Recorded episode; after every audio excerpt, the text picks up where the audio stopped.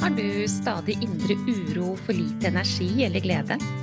Ønsker du kartet for endring i dette? Hver episode er dedikert til å gi deg gullnøkler for livsglede og ro. Du får strategier og innspill som hjelper deg fra nedstemt til oppstemt og fra uro til ro. Vil du ha en gratis oppskrift for å lage deg gode dager?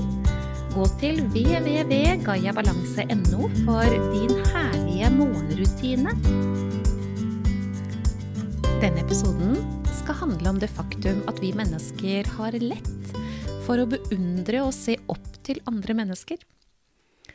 Dette kan være veldig bra, men når man beundrer det som blir til et glansbilde, som man aldri selv kan føre at man er i nærheten av selv, ja, hva da? Hva er det da som egentlig skjer? Bli med meg, kjære deg, gjennom denne episoden. Den vil være viktig for deg som vil ha minst mulig stress og mest mulig glede i livet. For jeg snakker om nødvendigheter for din helse. Jeg vet ikke hvordan det er med deg og dette med å ha noen man beundrer og ser opp til. Det er jo ikke noe farlig i det. Det kan være stor kilde til inspirasjon, ikke sant? Altså hvis dette her er sånn Yes, det der kan jeg få til òg. Se på vedkommende, da. Se hva som skjer her, ikke sant? Det er jo bare helt fantastisk hva hun eller han får til. Og det er klart at når hun eller han klarer, ja, men da klarer faktisk også jeg. Sånn er det. Og når dette her da blir en kilde til å få fram de ressursene man har i seg selv, for de er enorme Altså, kjære lytter, det er en sannhet at du eier de samme ressursene. Nå er det litt forskjell på hvilke egenskaper vi har da, fra naturens side, og hvor vi har våre styrker og svakheter, men at vi har ressurser, alle sammen, som heter styrke og kraft og mot og gjennomføringsevne og kjærlighet og fleksibilitet og kreativitet osv., at det er med en sikkerhet. Så hvis det er sånn at det er noen vi beundrer og noen vi ser opp til som kan være en inspirasjonskilde for at vi selv henter frem det vi rommer i oss sjøl, ja, men da er det bare vakkert. For da er det en kraft i det som kan være veldig, veldig bra. Aha, kan hun, så kan jeg. Men det jeg vil se litt nærmere på, det er i de situasjonene hvor disse man beundrer, la meg oss kalle det, eller jeg velger i hvert fall nå å kalle det for glansbildene, da, får lov til å være nærmest uoppnåelig. Altså, jeg beundrer det vedkommende får til, men jeg klarer jo ikke selv. Da er vi inne på noe helt annet. Jeg møtte en gang en forholdsvis ung mann, eh, Even, som den gangen jeg møtte han, bare så vidt var plassert, passert 20 år. Han var et par og tyve. Og han var forholdsvis tynget av eget tankekaos og eget tankegods den gangen jeg møtte han første gang. Hadde det veldig vanskelig, syntes at det var mye i livet som var krevende. Hadde hatt noen eh, opplevelser som var utfordrende, som hadde med utdannelse og jobb å gjøre. Og syntes i det hele tatt at det var ganske vanskelig å leve. Det ble veldig tydelig i den første samtalen med denne vakre gutten eh, at han ikke hadde så veldig stor tillit til seg selv. Altså tro på seg selv. Altså Even trodde ikke at han kom til å få til noen ting. Og hadde skyhøye krav til seg selv, det er litt viktig at jeg tillegger. Um, det var ikke bra nok med nest høyeste karakter på skolen, ikke sant? Det var ikke bra nok, det burde ha vært absolutt best. En fantastisk gutt med voldsomt øh, stor mengde med ressurser. En nydelig gutt med så gode verdier, men nja heller manglende tillit til det å være god nok sjøl. Jeg er helt sikker på at alle som ble kjent med Even, ville synes at han var en fantastisk gutt, men Even hadde ikke kontakt med det i forhold til seg selv. Og så ble det ganske tydelig, etter at jeg hadde snakket med denne gutten noen ganger, at glansbildet til Even, det var hans egen pappa. Og når han beskrev pappaen sin, så var det Altså, det var helt vakkert å lytte til, det må jeg jo bare si. Altså, pappa var helt fantastisk. En bedre mann finnes ikke, og han var på den og den måten. Men det som Even var mest opptatt av, det var at pappa var så innmari flink.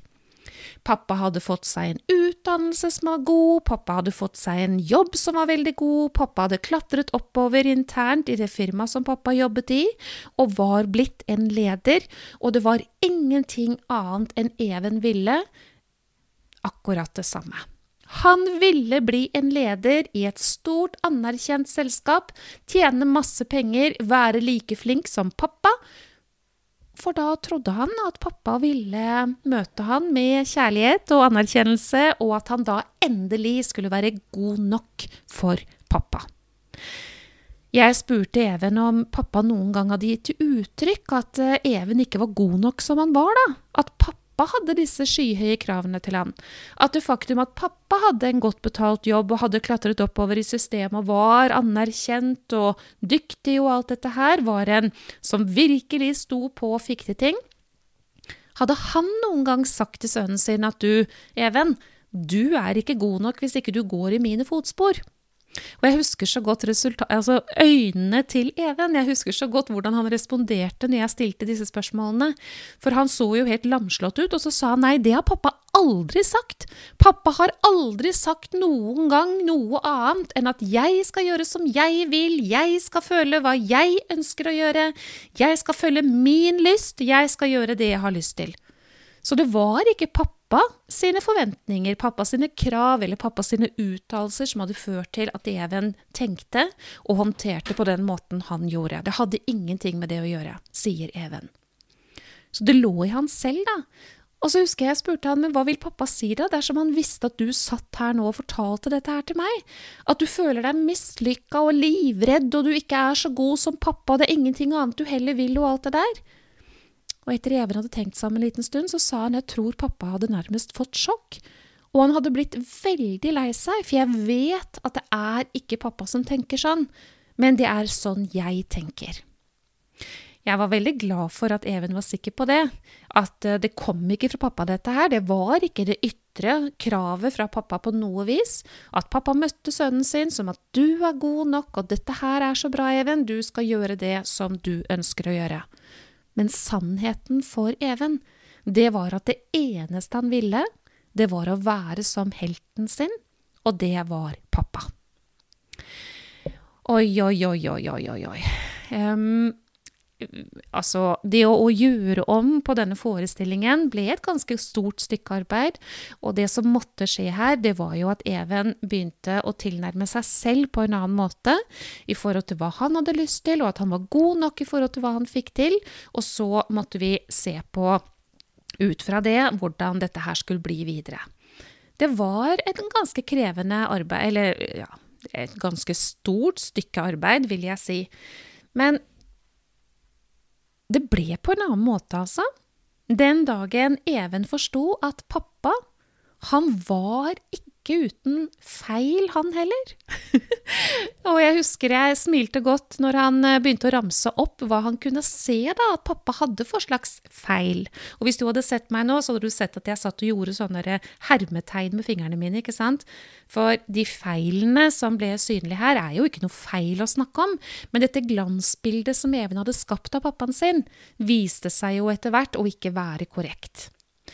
Even var jo helt sikker på at pappa aldri syntes det var vanskelig å legge frem et nytt um, forslag på jobben, f.eks. Utarbeide en ny rapport, f.eks. Det tok jo pappa på hælen, ikke sant?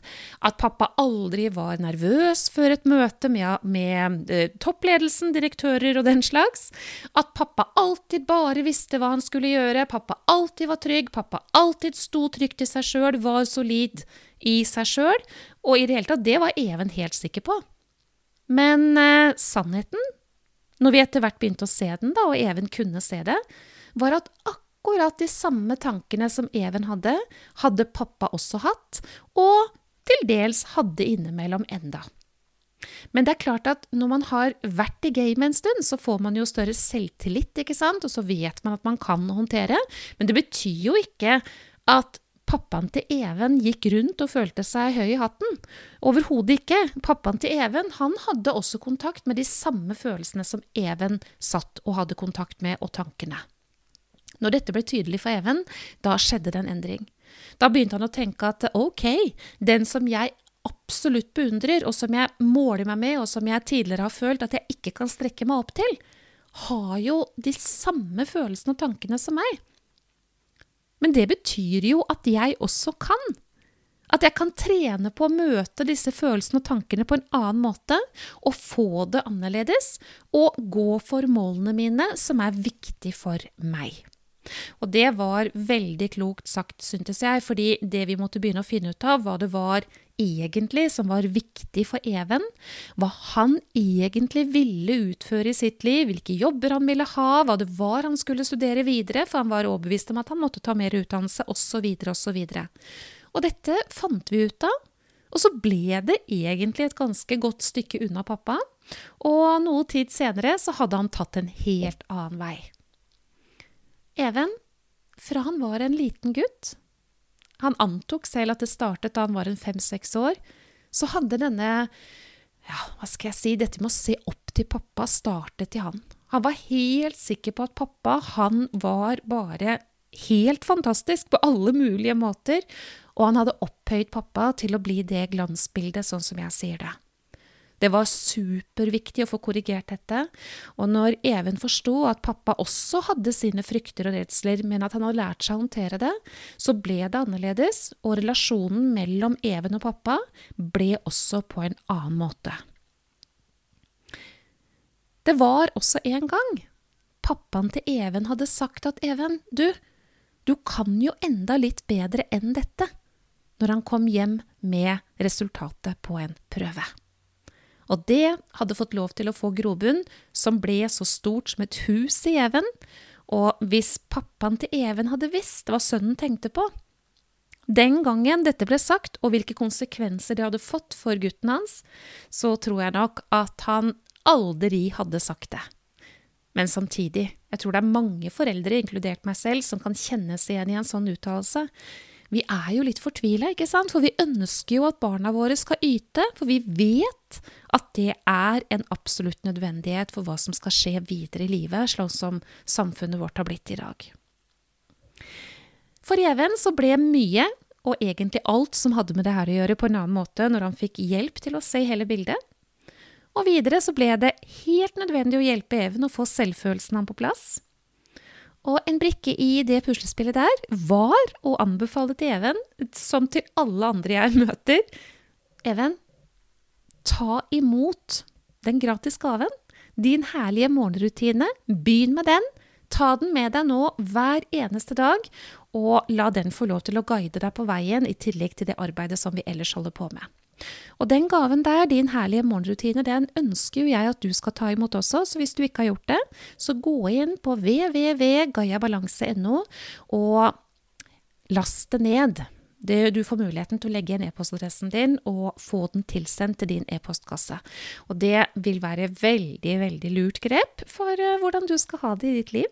Og det jeg ønsker for deg, det er masse glede, uh, minst mulig uro, mye glede, minst mulig stress, og at du skal ha det godt i livet ditt. Og du, bruk denne episoden som inspirasjon til å se litt nærmere etter i forhold til hvordan du tenker om andre mennesker, og eventuelt de du ser opp til, og hvilke glansbilder du har skapt i forhold til andre mennesker. Forsøk å se helheten, for disse, de rommer akkurat det samme som deg. De har bare funnet ut av, ut av hvordan de skal møte det, og håndtere det så de ikke får lov til å stå i veien for egen utvikling. Og det samme kan du.